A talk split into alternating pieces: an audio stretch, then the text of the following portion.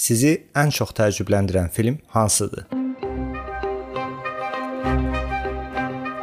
Hansı film sizi ikinci dəfə ona baxmağa vadar edir? Bu günə qədər bir çox film bitdikdən sonra ağlımızda suallar qoyur.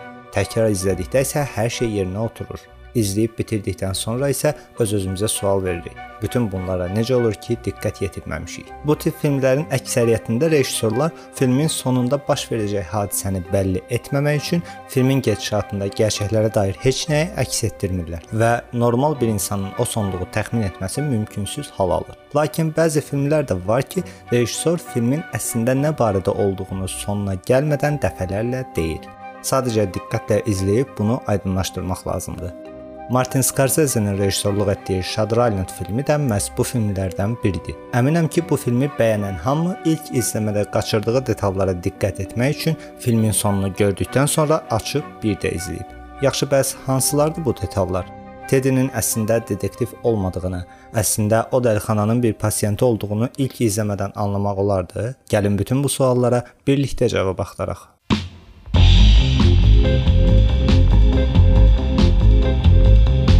Hər izləmədə bizə fərqli bir hekayə verən film bu hekayələri həm də bir-biri ilə olduqca sadə bir üsulla bağlayır. İlk izləmədə biz adadakı dəlixanadan qaçan bir qadının axtarışı və hadisənin araşdırılması üçün adaya gələn detektivlərin hekayəsini izləyirik. İkinci izləmədə isə görürük ki, əslində heç bir hadisə baş verməyib.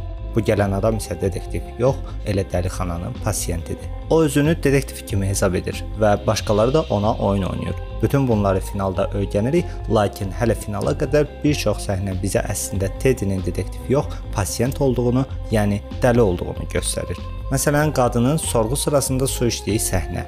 Sizcə bu səhnədə qeyri-adi nə var? Diqqətlə baxsaq görərik ki, qadının əlində stəkan yoxdur. Böyük bir ehtimal ki, ilk izləmədə bu səhnəyə çox da diqqət yetirməmişik. Yaxşı, bəs niyə? Olduqca düşündürücü olan bu səhnə necə olur ki, gözümüzdən qaçır? Ona görə ki, biz bu səhnəni Teddy'nin baxış bucağından görürük. Ətrafdakı heç kim bunu yadırğamır. Eynən Teddy də. Çünki ətrafdakılar əslində qadının əlində stəkan olduğunu görür, lakin Teddy o stəkanı görmür. Eynən biz də görmürük. Lakin bunu normal qəbul edirik. Necə ki, Teddy bunu normal qəbul edir. Daha doğrusu, görməzdən gəlir. Niyə görməzdən gəldiyinə isə birazdan daha ətraflı yer verəcəm.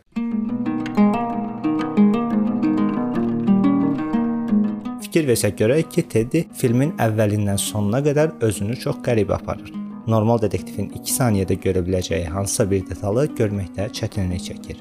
Hadisə yerinə gedərkən öz köməkçisini hələ ilk dəfə gəmidə tanıyır. Köməkçisi isə illərdir detektiv olmasına baxmayaraq silahla necə rəftar etmək lazım olduğunu bilmir. Teddy bunu görsə də bu detalı önəmsəmir. Eynən biz də bu detalı önəmsəmirik. Dəlixanaya girəndə fikir versək, əslində hamının bu iki detektivi çox yaxşı tanıdığını görə bilirik. Həkimlər isə onlara gülürlər, sanki onları ələ salırmış kimi. İlk başdan bunun səbəbini biz bilmirik. Eynən Teddy özü də bunun səbəbini bilmir, lakin sonda hər şey aydın olur. Ona görə də açıb filmi təkrar izləməli oluruq. Məsələn, Teddy doktor Shin barədə sual verəndə tibb bacısı gözləri ilə başqa tərəfə baxır, sanki yalan danışır. Yaxşı bəs hara baxır? Elə doktor Shinə baxır. Onlar oyun oynayırlar. Sanki Teddy və köməkçisi həqiqətən detektivmiş kimi rəftar edirlər. Lakin Teddy o dəlixananın pasiyentidir. Köməkçisi isə əslində onun həkimi doktor Shein özüdür. Tibb bacısı bu suala cavab verəndə istərsəməz gözlərini doktor Sheinə tərəf yönəldir, yəni yalan danışır. Eynən Teddy pasiyentdən doktor Shin barədə soruşarkən, pasiyentin də gözləri istəmsizcə doktor Sheinə tərəf baxır. Digərləri nələrin baş verdiyinin fərqindədir, lakin biz və təbii ki Teddy bütün bunları bilmir. Bilməzdən gəlir. Çünki o özünün detektiv olduğunu düşünür. Elə bu səhnədə biz diqqətlə baxsaq görərik ki, pasiyentlərin arxasında mühafizəçilər durur, lakin həkimin arxasında heç kim dayanmır. Bu da özlüyündə hər ikisinin pasiyent olduğuna dair bir mesajdır. Məsələn, elə Rachel'ın axtarışı zamanı mühafizəçilərin hərəkətindən bəlli olur ki, onlar əslində heç kimi axtarıb eləmir. Sadəcə axtarırmış kimi davranırlar. Çünki o odadan əslində heç kim itməyib.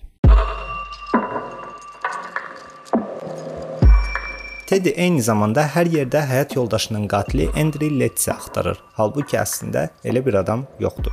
Andrew Letts elə Teddy'nin özüdür. Teddy'nin beynində yaratdığı və bütün pis əməllərini ona yönəltdiyi şuuraltı bir şəxsiyyətdir. O beynində olduqca qorxulu bir personaj yaradır və öz evini yandıranın özü yox, məhz Andrew Letts olduğunu iddia edir. Çünki bu qədər qorxulu bir cinayəti ancaq bu qədər qorxulu bir adam törədə bilər. Diqqət yetirsək görərik ki, filmdə ancaq Teddy və Andrew kibritdən istifadə edir. İlk başda önəmsiz bir detal kimi görünsə də, yaradıcılar bunun önəmini vurğulamaq üçün onlardan başqa heç kimə kibritdən istifadə etdirmirlər. Baş həkim öz qəlyanını alışqan ilə yandırır məsələn. Köməkçisi də həmçinin siqaretləri alışqan ilə yandırır. Kibritdən istifadə edən sadəcə Teddy və Andrew idi. Yəni sadəcə Teddy özüdür. Qurtarma əməliyyatı səhnəsində sözü gedən əməliyyat yaşanmış bir hadisədir. Teddy o əməliyyatda gördüyü vəhşəti beynində başqa cür şərh edib. Unuda bilmək üçün isə saxta bir yaddaş yaradır.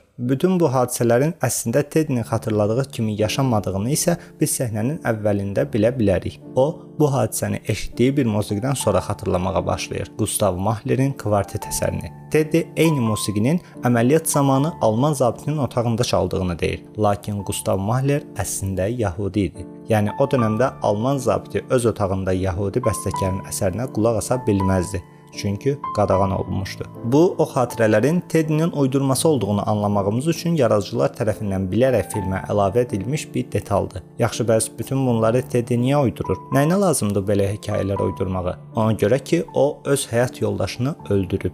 Bunun verdiyi əzab onun ağlını itirməsinə gətirib çıxarır. Lakin o kimisə öldürdüyü gerçəyini ağlından silə bilmir. Ona görə də psixologiyası alt-üst olur və o kimisə öldürməsinə haqlı bir səbəb gətirməyə çalışır. Həyat yoldaşını öldürməsinin özünə görə səbəbləri olsa da bu onu haqlı etmir. Çünki bunu o öz istəyi ilə etmişdi. Lakin orduda qurtarma əməliyyatı zamanı düşmənləri öldürmək onu cinayətkar etmirdi və beləliklə o öz əməlini haqlı bir zəmində formalaşdırıb özünü də bu hadisənin yaşandığına inandırmışdı. Onun düşüncəsində o kimisə öldürmüşdü, lakin həyat yoldaşını yox. Əməliyyat zamanı düşmənləri öldürmüşdü. Həyat yoldaşını isə Andrew Letis öldürmüşdü. Hansı ki, əslində Andrew-in də o öz beynində qurur.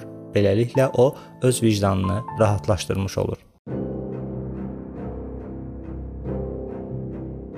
Bayaqki səhnəyə geri qayıdaq.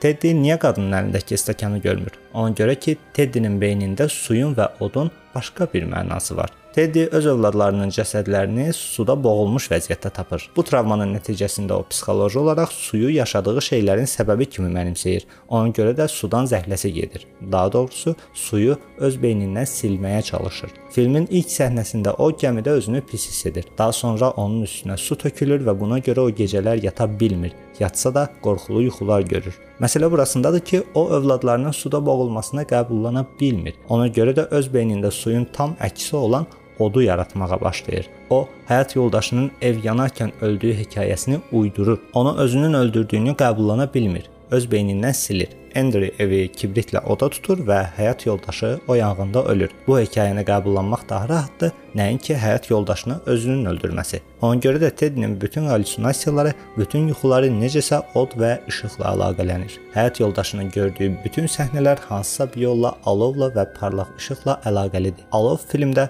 hallyusinasiyaları təmsil edir və alovun çox göründüyü səhnələrin hamısı əslində Teddinin beynində qurduğu səhnələrdir. Hallyusinasiyalardır. Teddy Andrew Letsi alovların yanında əlində kibritlə təsəvvür edir. Eynən adadan qaçan qadınla da danışdıqları səhnədə alov demək olar ki, bütün səhnəni əhatə edir. Yəni əslində bunların heç biri yaşanmır. Adadan heç kim qaçmayıb və Andrew deyə biri yoxdur. Eynən C blokunda Teddy ilə George-un səhnəsində olduğu kimi. Əvvəlcə George Teddy-yə bütün bunların bir oyun olduğunu deyir. Bütün bunlar hamısı bir oyundur sənə oyun oynayırlar. Elə ki qaranlıq düşür və Teddy kibriti yandırır, George sanki bir anda başqa bir insana çevrilir və burada çox pis şeylərin olduğunu deyir. Bayaqki adamın yerinə sanki qorxaq bir adam gəlir.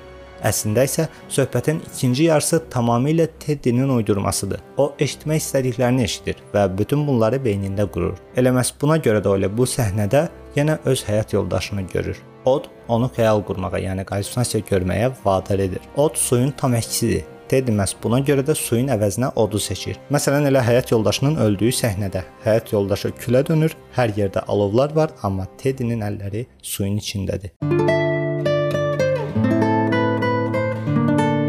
Film demək olar ki, başdan sona bizə bu baş verənlərin əslində belə olmadığını deməyə çalışır. Lakin biz də eynən Teddy kimi, yəni Andrew Leeds kimi bunu görməzdən gəlirik. Ən sonda o özünə gəlir və nisbətən yaxşılaşır. Lakin özü də qəbul edir ki, bütün bunlar bir uydurmadır. Bütün məsələ onun bu günahkarlıq hissi ilə yaşaya bilməməsindədir. Sonda isə Teddy bir sual verir. Hansı daha yaxşıdır? Canavar kimi yaşamaq, yoxsa insan kimi ölmək? Məncə artıq bu sualın cavabı hamımıza aydındır. Özünə yaxşı bax. Gələn dəfə danışarıq.